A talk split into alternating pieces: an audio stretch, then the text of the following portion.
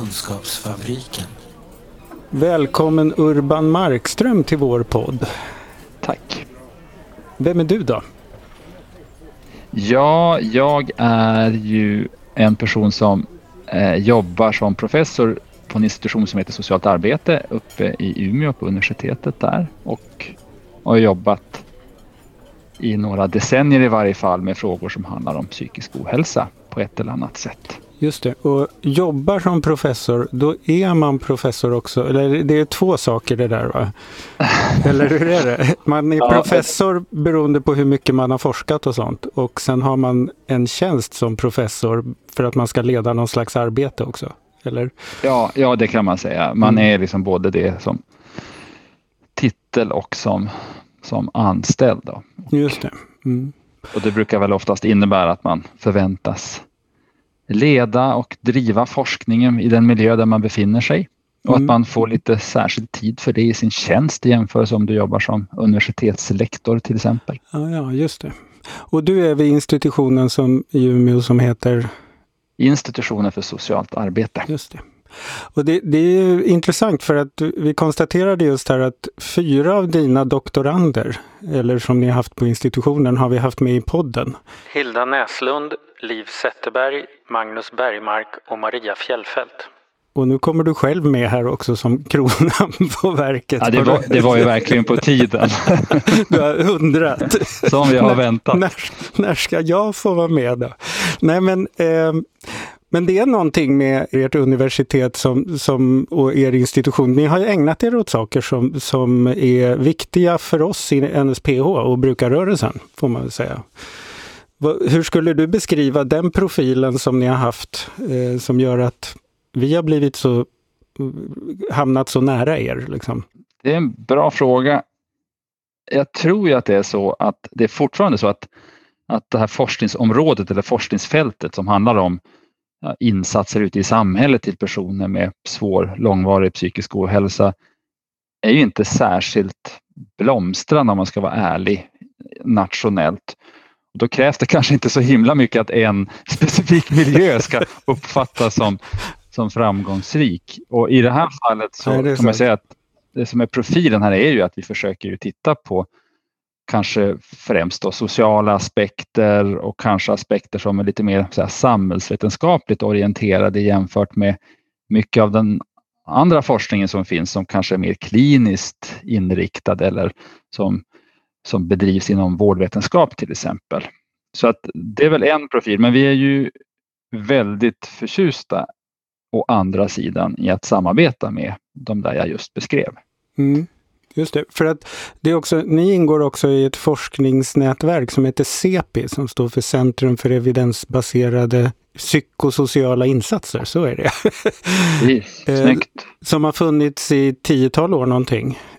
Ja, egentligen så har ju den här forskargruppen eller nätverket har ju faktiskt funnits i nästan 20 år. Det är i början på 2000-talet som, som vi började samarbeta tillsammans. Men det var väl 2007 som eh, CEPI i formell mening grundades också då med hjälp av en del externa pengar från regeringen faktiskt för att driva och bygga upp det här arbetet. Och då, så då har vi haft någon typ av status som ett nationellt forskningscenter kan man säga och det är ju genuint tvärvetenskapligt. Just det, för då är det inte bara socialt arbete, forskning eller det där eh, som du beskrev tidigare, utan då är det medicinare med också och sånt, eller? Ja, det är mm. allt möjligt löst mm. folk faktiskt från en mängd olika, både professioner och vetenskapliga discipliner.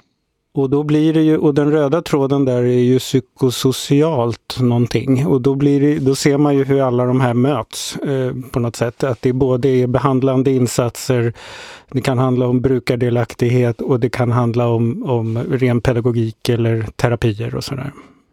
Ja, det är ju relativt brett men det har ju funnits ändå ett intresse från början att kanske i någon mening inte gå in i väldigt specifikt klinisk medicinsk forskning utan vi har ju intresserat oss för, för just de här mer så här socialpsykiatriska mm. insatserna och, och, kanske de nya arbetssätt som i mångt och mycket eh, utvecklades i samband med avinstitutionaliseringen kan man säga. Alltså, ja, just det. Alltså psykiatrireformen och framåt. Då är vi Mm, någonstans ja. på mitten på 90-talet och framåt. Eller? Precis, då började det hända saker. Både, ja, men framförallt när det gäller själva verksamhetskartan då kommunen fick det här förtydligade ansvaret. Men det fanns ju även sedan tidigare ju en liknande utveckling internationellt. Så att det är väl rätt mycket det som CP har försökt fånga upp genom åren. Att försöka vara med och både vara med liksom och introducera och beforska nya arbetssätt. Men, men också förstås att ställa mer övergripande generella frågor kring det här problemområdet och det här insatsfältet. Då. Ehm, nu ska vi se, du var ju professor, då blir man ju inte i en handvändning. Så var du med och forskade som, var, liksom, hade du klivit in i akademin redan då i mitten på 90-talet? Ja, det var faktiskt så att det är väl ingen, ja, det kanske var en slump till en början, men det var väl därför som jag kom att fastna på det här fältet. För att det var precis då som jag eh, ploppade ut från skolbänken Mhm. rätt ut till en sån här forsknings och utvecklingsverksamhet som fanns vid Umeå kommun faktiskt. Eh, och det jag fick till ansvar att hålla på med de där första åren, det var ju att faktiskt följa upp och utvärdera rätt mycket av de initiativ som hade tagits i Umeå med omnejd i samband med psykiatrireformen. Så att jag blev liksom fast från början där.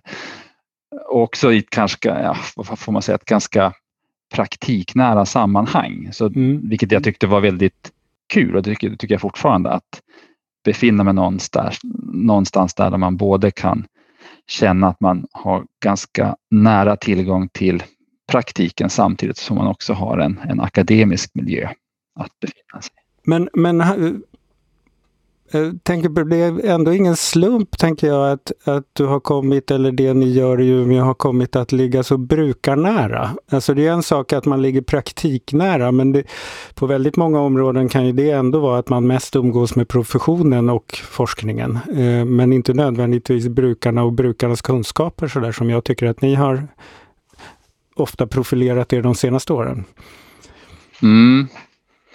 Det kan väl ha varit så kanske att om man nu skulle stanna av kring den frågan att, att psykiatrireformen och överhuvudtaget det utvecklingsarbete som skedde under de där åren handlade ju i ganska hög utsträckning om att bereda utrymme för människor med långvarig psykisk ohälsa i samhället. Och det där bidrog ju också till tror jag, en del förväntningar på, på hur man skulle arbeta, hur man skulle förmedla insatser och vilken roll och position den enskilda individen skulle ha. Så att i den meningen tror jag att inflytande och frågor och frågor om delaktighet kom nog ganska naturligt både på policynivå i samband med den här, det här reformeringsarbetet.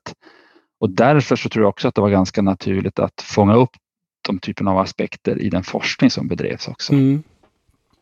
Hur tycker du att det har fått genomslag?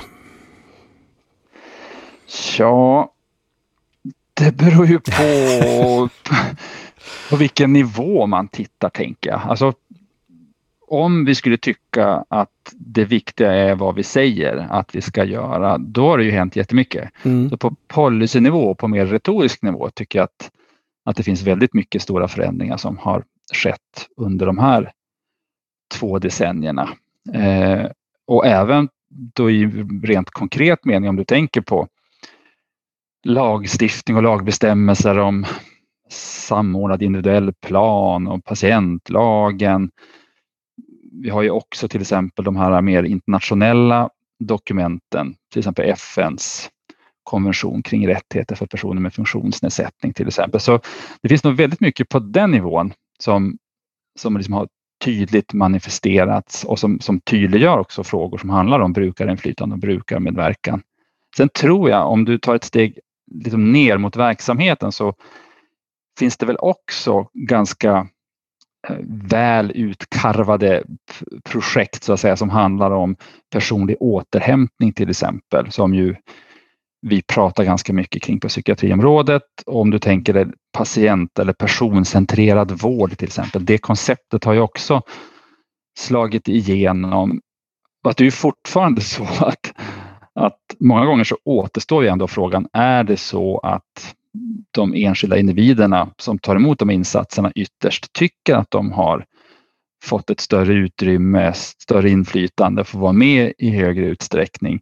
Och där får man ju säga att vi är ganska dåliga på att göra sådana här generella studier som kan fånga det här på, mm. ja, på, på, nationell nivå eller på gruppnivå, utan vi kan ju fånga det oftast kanske via enskilda, enskilda forskningsstudier som kanske rör en särskild arbetsinsats eller en, en, en ny arbetsmetod som ska utvecklas.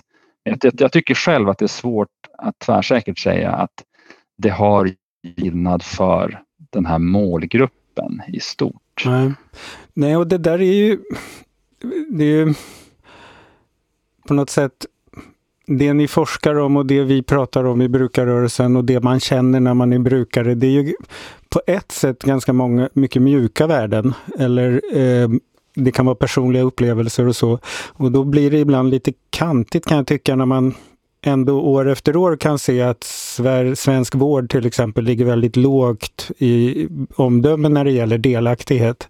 Men delaktighet är heller inte så väl definierat. Eh, det är som en, e- man, tar in, man pratar inte så mycket om vad man ska ha den där delaktigheten till. Varför är det bra med delaktighet? Vad är det den ska leda till terapeutiskt eller, eller liksom, eh, vad, vad ska den skapa? Utan man nöjer sig med att säga att det är dåligt att man inte känner sig delaktig.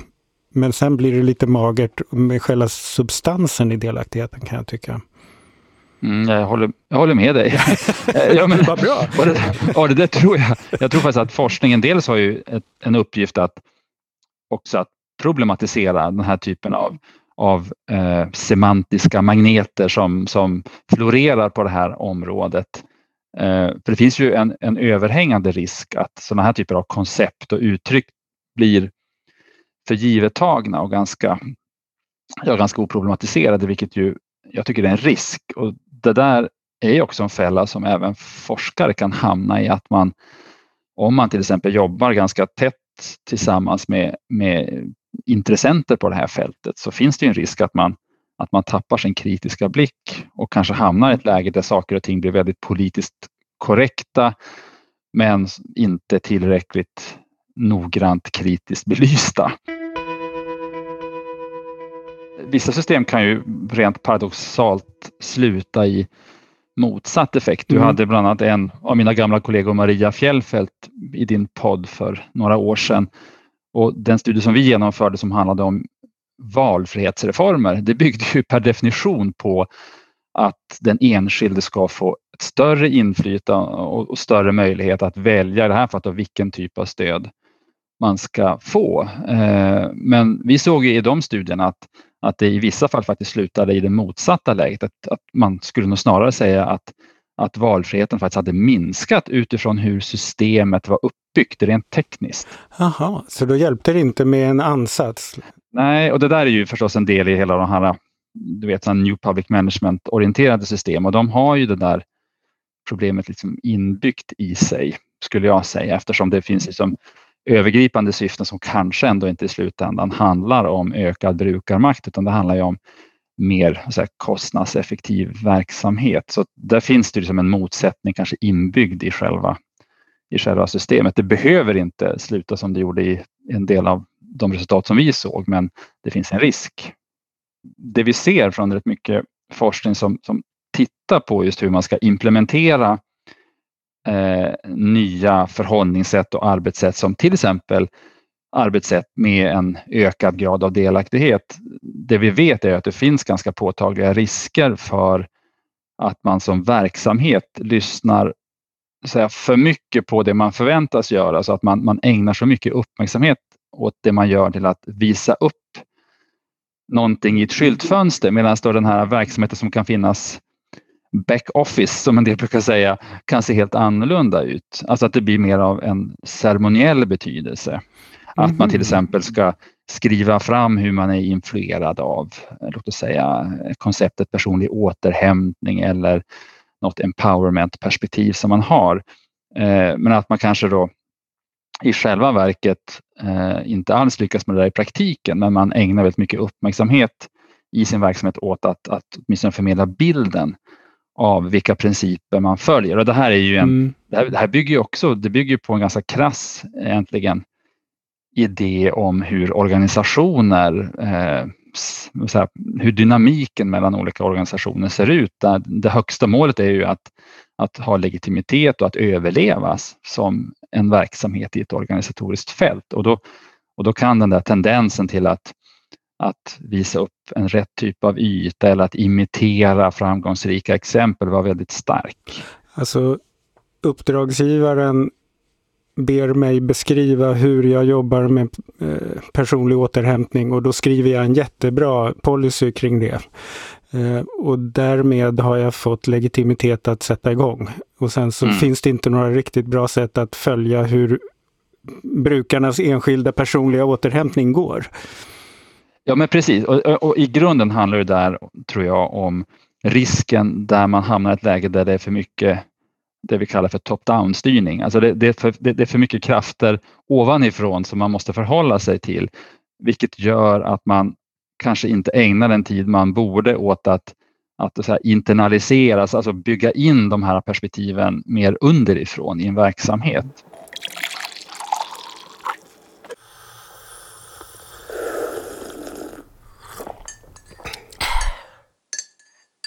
Alltså, sådär, sammantaget tycker jag att det ändå är så att man i högre utsträckning ser på brukaren som ett handlande subjekt mm. idag i jämförelse med för några decennier sedan. Och återigen, och det där har ju manifesterats på flera olika nivåer.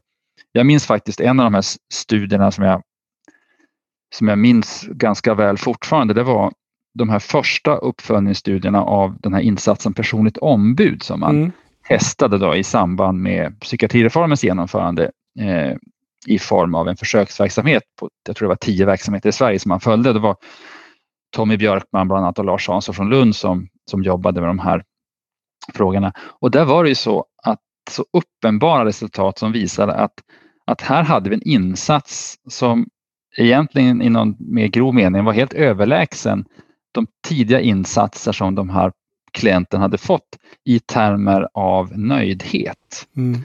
Eh, och att man också gav utrymme åt sådana typer av aspekter i de här uppföljningsstudierna.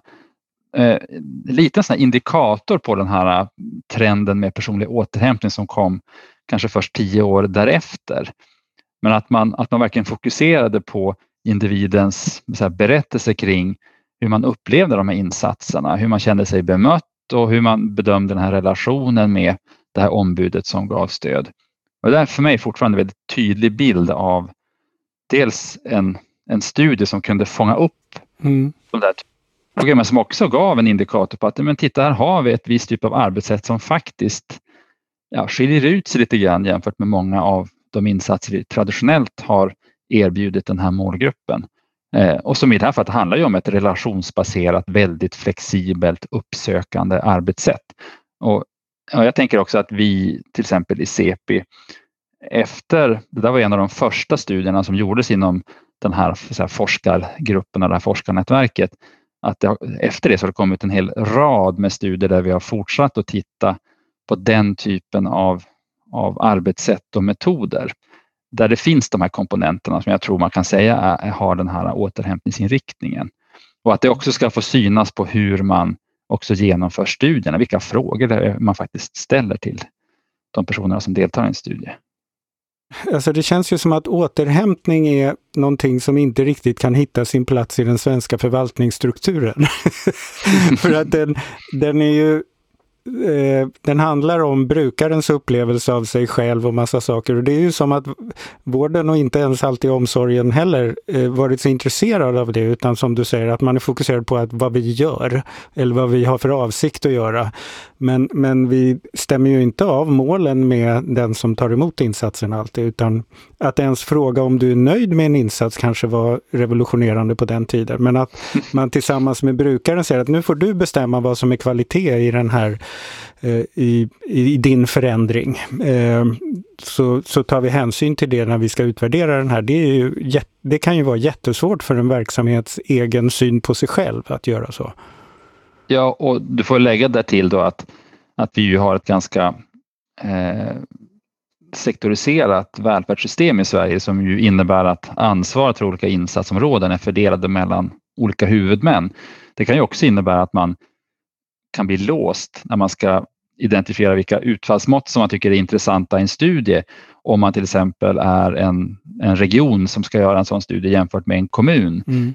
Eh, och I det här personliga ombudsfallet så slutar det faktiskt med att man också hade resultat som visade att, att framförallt var det en, en studie som genomfördes här uppe i Umeå, att man såg att den här gruppen som hade fått insatsen, de hade reducerat sin slutenvårdsanvändning eh, ganska radikalt, om det nu var efter en ettårsuppföljning. Eh, men problemet var ju då bara att det var kommunen som drev PO-verksamheten och den här så säga, relativa vinsten som man ska kunna räkna hem, den, den skedde ju på regionsidan. Ja, det är knepigt. Mm. Rätt är det inte. Just det. Det är ju dumt att det ska vara en, en negativ omständighet. Mm. Får man väl säga.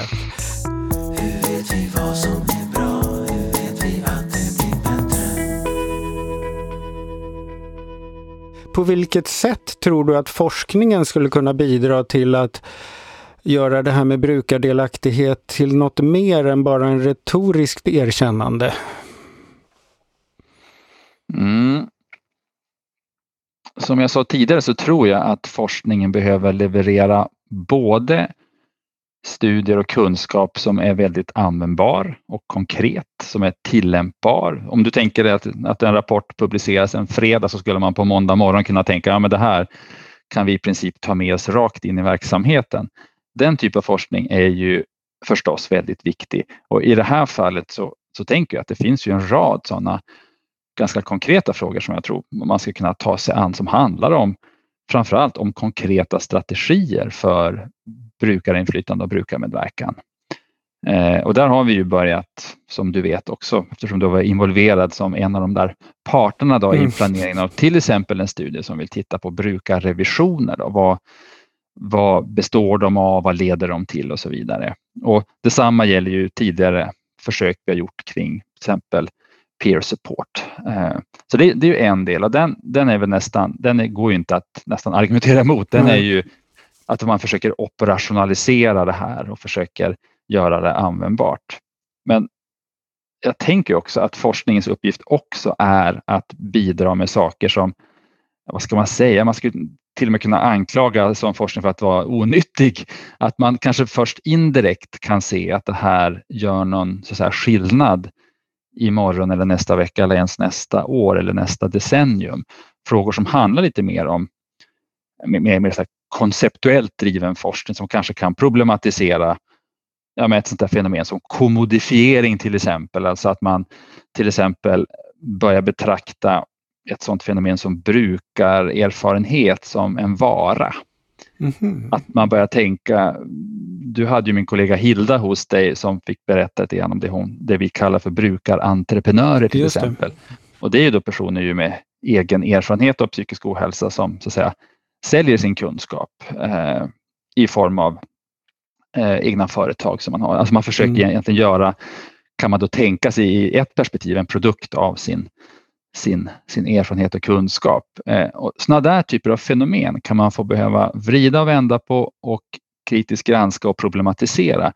Och det är då inte kanske den här direkt tillämpbara forskningen, men Nej, den behöver också vetenskapssamhället leverera. Så mm. jag tänker mig att den där balansen är lite viktig för att skulle man bara hamna i den här mer instrumentella kunskapen så ja, då tappar vi en rätt stor del av vår grunduppgift som akademi att också kunna bara göra saker lite krångligare, för det är ju en av sån där fin men, uppgift som men vi också har. Jag tänker att det där är ju vi betjänta av också, för att vi, alltså det är väl praktiskt om ni kan belägga hur man gör brukarrevisioner effektivast så att det skapar förändring på ett bra sätt utifrån brukarnas perspektiv och sådär. Det är ju viktigt.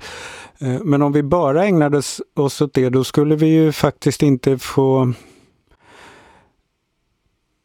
ska man säga, en större förståelse för varför vi vill de här sakerna.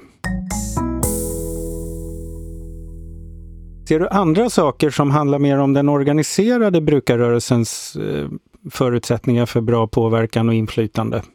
Mm, vi har ju försökt göra det som du vet via eh, mitt och Hildas och Stefan Sjöströms arbeten kring brukarrörelsen och vi har även gjort en del sådana studier sedan tidigare. Så jag tänker väl att man bör ständigt ha alltså, ögonen på hur den organiserade brukarrörelsen förändras och vilka former den tar om, om den hittar av nya riktningar. Så att, det tänker jag nog mer som en liten så ständigt pågående liksom, kunskapsutveckling, att inte, att inte missa det fenomenet, för det är ju intressant och det är ju fortfarande som en rörelse som är utsatt för ganska hårt tryck och ganska mycket förändringstendenser tycker jag man kan se också inom brukarrörelsen. Eh, och att nu kanske inte kan pricka av någon sån här väldigt specifik avgränsad fråga just nu men, men brukarrörelsen i sig är ju ett sånt intressant och förändligt fenomen så det är mm. definitivt ett sånt område som forskningen måste uppmärksamma. Och det gäller ju också eh, egentligen hela hela civilsamhället, mm. tänker jag. Eh, deras roll och funktion är ju oerhört central faktiskt eh, och inte minst i dynamik då med det offentliga. Eh, så det är ju ett oerhört spännande brett forskningsfält som, mm. som man liksom inte får eh, tappa bort. I förra avsnittet av podden så hade jag Gabriel Wikström med som jobbar med håll, just hållbart, eh, Agenda 2030. Och han pratar ju väldigt liksom oförblommerat om att om den här förändringen ska kunna ske så måste trycket komma underifrån också.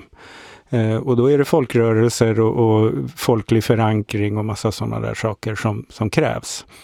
Eh, och det är ju intressant att man återigen på ett retoriskt plan är ganska överens med sig själv om vad som behövs. Men man, eh, det är ju förmodligen jättesvårt att organisera det där som han ska försöka med, liksom, skjuta på och få till stånd här i Sverige eftersom väldigt mycket annan organisering här inte alls eh, jobbar på att skapa folklig förankring eller att ens liksom lyssna på trycket underifrån alltid. Och så. Ja, men det, det är sant. Och jag, jag, tänker också det här, det finns ju ett nationellt initiativ som kallas för Nysta. Nysta står för Civilsamhällets nystartsgrupp för ett nytt samhällskontrakt. I gruppen ingår fem paraplyorganisationer från civilsamhället. Famna, Giva Sverige, Forum, Idea och arbetsgivarföreningen KFO. Den 27 augusti lanserade man sina tankar i en debattartikel i Dagens Nyheter. Eh, och det man ju lyfter fram i det arbetet är ju till exempel värdet av att försöka bygga en kunskapsbas kring civilsamhället som ju egentligen aldrig har fått ta plats till exempel inom akademin. Och, och här kan man ju tänka termer också av, av grundutbildningar och examina. Vi, åtminstone på min institution så tror jag att, att vi, vi, vi tränar våra studenter till att, att kunna hantera ett liv inom den offentliga sektorn ganska väl. Eh, och det är ju oftast det är studieobjekt som man oftast använder sig av under utbildningen, men i ganska liten utsträckning av civilsamhällets olika uttryck. Eh, så här finns det en strävan från det här nysta initiativet att ju egentligen till exempel fundera på möjligheten att kanske nästan forma ett, en ny alltså akademisk disciplin som fokuserar på civilsamhällets olika funktioner och roller för att mm. liksom kunna här, konkurrera lite grann med det här så dominerande perspektivet på vår offentliga sektor. Och det kan man väl säga, det är en generell forskning som handlar om möjligheten till ett hållbart brukarinflytande. Ja, det blir ju en sån ja, alltså, självklar delaspekt av det. Mm. Just det. Vad spännande! Så att, mm. Eh, ja, man kan inte ägna sig åt någonting i ett, i ett liksom isolerat kärl. Utan det är ju skönt det. Då får man ju också alltid hela tiden försöka bli lite klokare. Ja, men jag tänker det har ju våran våran covid-pandemi har ju, har ju gett ett sånt oerhört, en sån den har visat så tydligt eh, omöjligheten i att liksom, isolera ett problemområde eh, mm. specifikt utan det finns så, så mycket så här, interaktioner med olika nivåer, olika delar av samhället så att ett, ett medicinskt fenomen i, i det här fallet kan ju inte analyseras utan att också ta hänsyn till en mängd omkringliggande faktorer. Vad trevligt att du ville vara med Urban. Det var ju jättekul att jag fick vara med Mårten. Äntligen fick professorn vara med också. Eh, tack ska du ha. Tack själv. Den här podden görs av NSPH, Nationell samverkan för psykisk hälsa. Läs mer på vår hemsida www.nsph.se eller följ oss på Facebook. Kafferast i Kunskapsfabriken.